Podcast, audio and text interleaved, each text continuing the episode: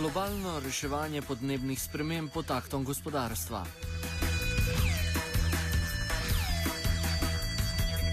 V Varšavi je med vikendom minila še ena v vrsti globalnih podnebnih konferenc, ki se je zaključila brez trdnejšega dogovora.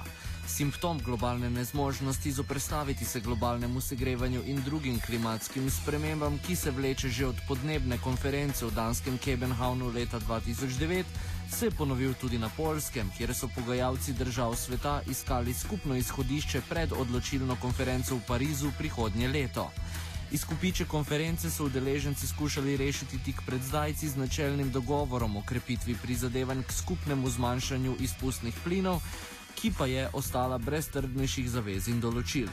Članica mednarodne skupine Združenih narodov o podnebnih spremembah Luška Kajfeš Bogataj se je prav tako mudila na varšavskem srečanju, ki pa jo je vsled pičlega izkupička razočaral. Ja, konferenca je za mene razočaranje, ampak niti ne tako nepričakovano, ker se nam ta scenarij sestajanja pa nič nekih konkretnih zaključkov praktično vleče že od Kebenhavna. To se pravi, zdaj že nekako četrta konferenca, ki služi bolj sama sebi, kot pa nekemu vplivu boljšemu na podnebje. Udeleženci so na Varšavski podnebni konferenci skušali predvsem zbližati stališča pred naslednjim srečanjem v Parizu prihodnje leto, na katerem bi na to podpisali nov podnebni sporazum, ki bi leta 2020 nadomestil Kjotskega. Po mnenju Bogatajeve je pogajalcem uspelo ravno nasprotno. Varšavska konferenca je pokazala še večje razlike med stališči posameznih držav, ob tem pa je opozorila na neustreznost obstoječih dogovorov. Ja, dejansko so tukaj uh, na konferenci, da bi ta stališča zbližali in se konkretno dogovarjali o nekih zavezujočih ciljih, so se pravzaprav pokazalo ravno obratno, kako daleč so si države ena od druge. Po mojem se je ta prepad kvečemu še po globu. Eh, dejansko tukaj imamo zapleten sistem, v katerega smo se pravzaprav zapletli vsi skupaj, ker logika ne, tega teritorijalnega zmanjševanja izpustov, ko so države se lahko zavezale na svojem ozemlju zmanjšati izpuste, v globaliziranem gospodarstvu sploh več nima nobenega pomena. Uh, važne so pravzaprav tisti, važni so tisti izpusti, ki jih mi naredimo kot potrošniki in seveda v razvitem svetu si na ta način pravzaprav moramo priznati tudi izpuste, ki jih zadnjo vzgela Indija, Kitajska in tako naprej. Zdaj, mislim, da gre na čiza in slepi tir in uh, vprašanje, no, če bo do leta res uh, v dveh letih zelo prišlo do nekega dogovora, čeprav je ta nujen. Ne. Tako da z tega stališča jaz ne vidim nobenega koraka naprej, res eno samo stagniranje.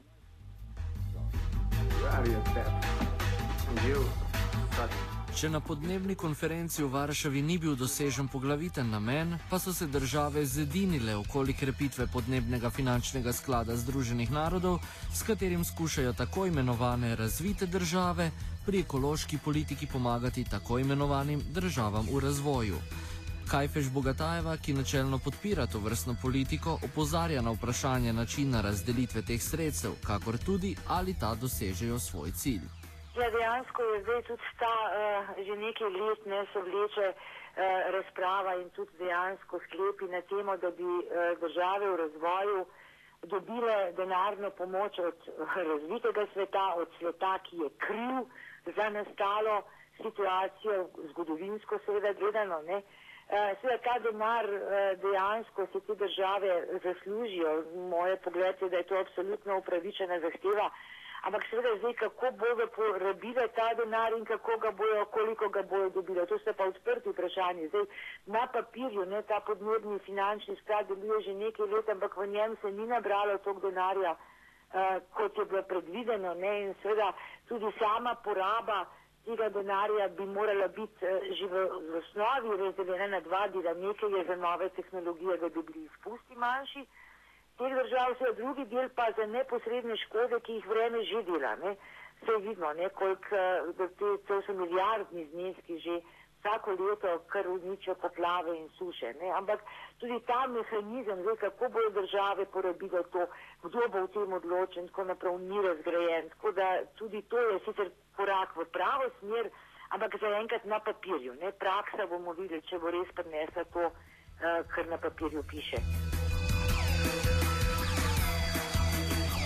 Številni pozdravljajo tudi dosežen dogovor o preprečitvi krčenja gozdov, ki ga vidijo kot edini pozitivni vidik tokratne, sicer že 19. podnebne konference. Z doseženim je zadovoljna tudi Lučka Kajfeš Bogataj, ki pa ob tem pripomni, da so gozdovi le majhen, precej neopazen dejavnik, ko gre za zaščito okolja. Prav, absolutno, to je pomembna zadeva, deforestacija prispeva recimo desetino. Eh, celotnih izpustov, tako da ta problem se rešuje ne samo letos, to je že kar pravzaprav nekaj let, uh, ko se ta delež ne povečuje več. Um, skratka, ni nekega, hvala Bogu, povečanega izsekavanja, čeprav seveda je še vedno velik, ampak v celotni sliki je to desetina problema. Tudi če deforestacijo povsem rešimo, smo rešili 10 odstotkov težave, ne 90 odstotkov nam pa ostane.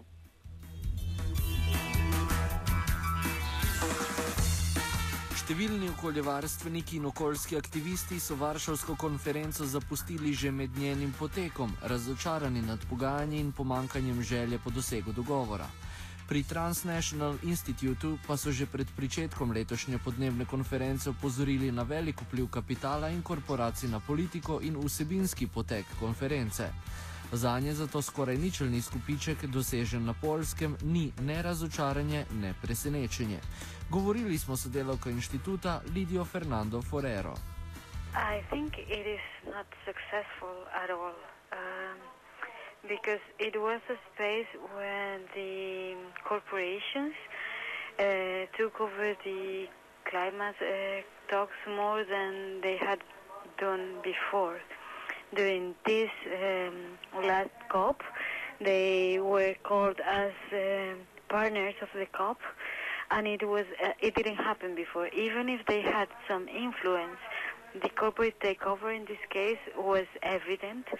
Uh, at, uh, at a point that all the civil society representatives, or most of them, decided to leave the the COP in a protest of the way of the talks were doing. So it was um, it was a clear show how the um, people in the COP, the governments as well as those corporations are not interested at all on our future, on the need of um, a clear decision, a clear agreement now to confront the climate change. But instead of that, they want a new business and they want to continue deepen the uh, market solutions, the market-based solutions to the climate change, and um, that's that's not addressing the climate change crisis.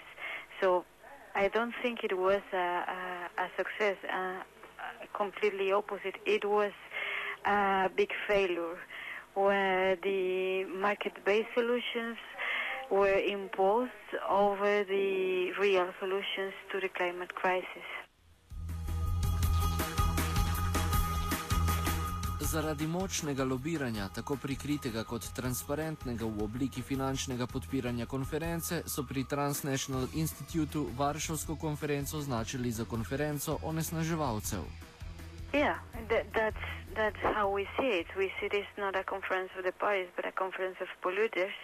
Because as I was saying before, the corporations uh, had for the first time in the in the history of the UNFCCC a space within the within the conference um, to input and to participate in the discussions.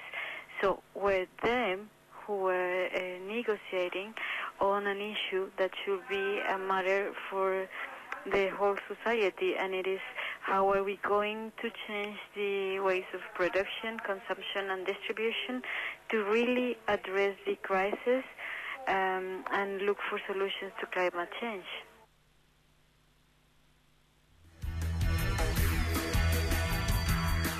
Ob tem močnem vplivu korporacij in gospodarstva se postavlja logično vprašanje, kdo sploh oblikuje politiko podnebnih konferenc? Korporacije, vladni pogajalci ali okoljski aktivisti. Sodeč po Forerirovi je odgovor vse bolj jasen. I think uh, now, uh, with the current situation, the governments have failed on looking for, for solutions because they, uh, uh, within the framework of the UNFCCC, they are giving the space to corporations. They are not thinking on the on the need of urgent change, um, but instead of that, they are creating more and more spaces for new investment opportunities, for new business uh, activities, and so they are failing in the way of creating uh, real solutions uh, in the, in this crisis to this crisis. Da je vse močnejši vpliv gospodarstva eden od razlogov za globalno politično pasivnost, ko gre za okoljsko politiko, se strinja tudi Lučka Kajfeš Bogataj. Vse pogostejši neuspeh konferenc pa pripisuje tudi okosteneli strukturi in funkcioniranju Združenih narodov.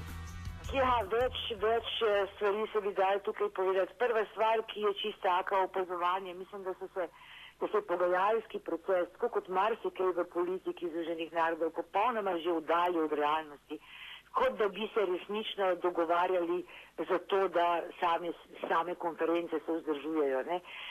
Seveda, zdaj globi razlogi za to je, da dejansko pogajalci verjetno nimajo trdne podpore svojih vodstva, svojih držav. Zdaj, zakaj jo nimajo? Eh, je pa seveda vzrok v splošni globalni uh, ekonomski politiki. Ne. So vsem je v interesu gospodarska rast, vsem je v interesu večje bogatenje, uh, tako vzhodnim oziroma državam v razvoju, ki vidijo v tem poti z revščine, kot seveda zahodnim državam. In seveda vsem je težko spremeniti modus operandi, kot ga imamo zdaj. Le. Eh, še posebej zdaj v novejšem času državam razvitim, ki imajo neko fiktivno idejo, pa deloma tudi res gospodarske krize, finančne krize, ne, tako da se jim še težje odpirajo denarnice, če tako rečem, ali pa so še težje pripravljeni na spremembe. Skratka, dokaj ta paradigma vlada, da zdaj vsaka stopna gospodarske rasti je samo zaželjena, vse odstopanje od tega pa ne, um, bodo verjetno ta uh, pogajanja daleč od tega, čemu so namenjena in to je dejansko reševanje podnebja. Tako da je kompleksno vse skupaj, kaže tudi to, da dejansko morda Združeni narodi kot organizacija, ki je nastala v nekem drugem stoletju, prejšnjem, v nekih drugih časih, za neke druge probleme, za reševanje današnjih globalnih problemov, mogoče sploh ni več prava inštitucija, ne? je pa se edino, kar imamo. Še bolj pesimistična je Lidija Fernanda Forero z Transnational Institute, ki opozarja, da je situacija z vsako to vrstno globalno podnebno konferenco slabša. Če na minulih srečanjih vlade oziroma njihovi pogajalci niso storili nič z namenom, da bi ohranili odgovarjajočim status quo, sedaj ekološko politiko vse bolj potiskajo v roke gospodarstva in korporacij ter daleč od tistih, v katera bi jih morali. After the last conferences, is every time is shown that there is no political willing of changing the situation.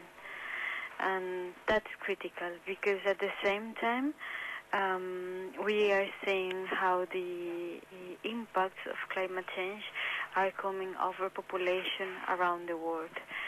So the disaster in the Philippines was just one uh, evidence of what is happening and what could happen now. So it's frustrating that the, the governments are not being able to face the urgent situation, and instead of that, they continue postponing and postponing uh, real commitments to cut um, greenhouse gas uh, gases emissions. So that's what we have seen for the last years of negotiations. But what we can see is that every time it comes worse and worse and uh, it was what we've seen in the in Warsaw. It was even worse than before, um, because not only they didn't reach an agreement, but instead of that, they opened the window to to the corporations. So it's frustrating. How can we just keep postponing the, the solutions, and the problems are coming over all of us.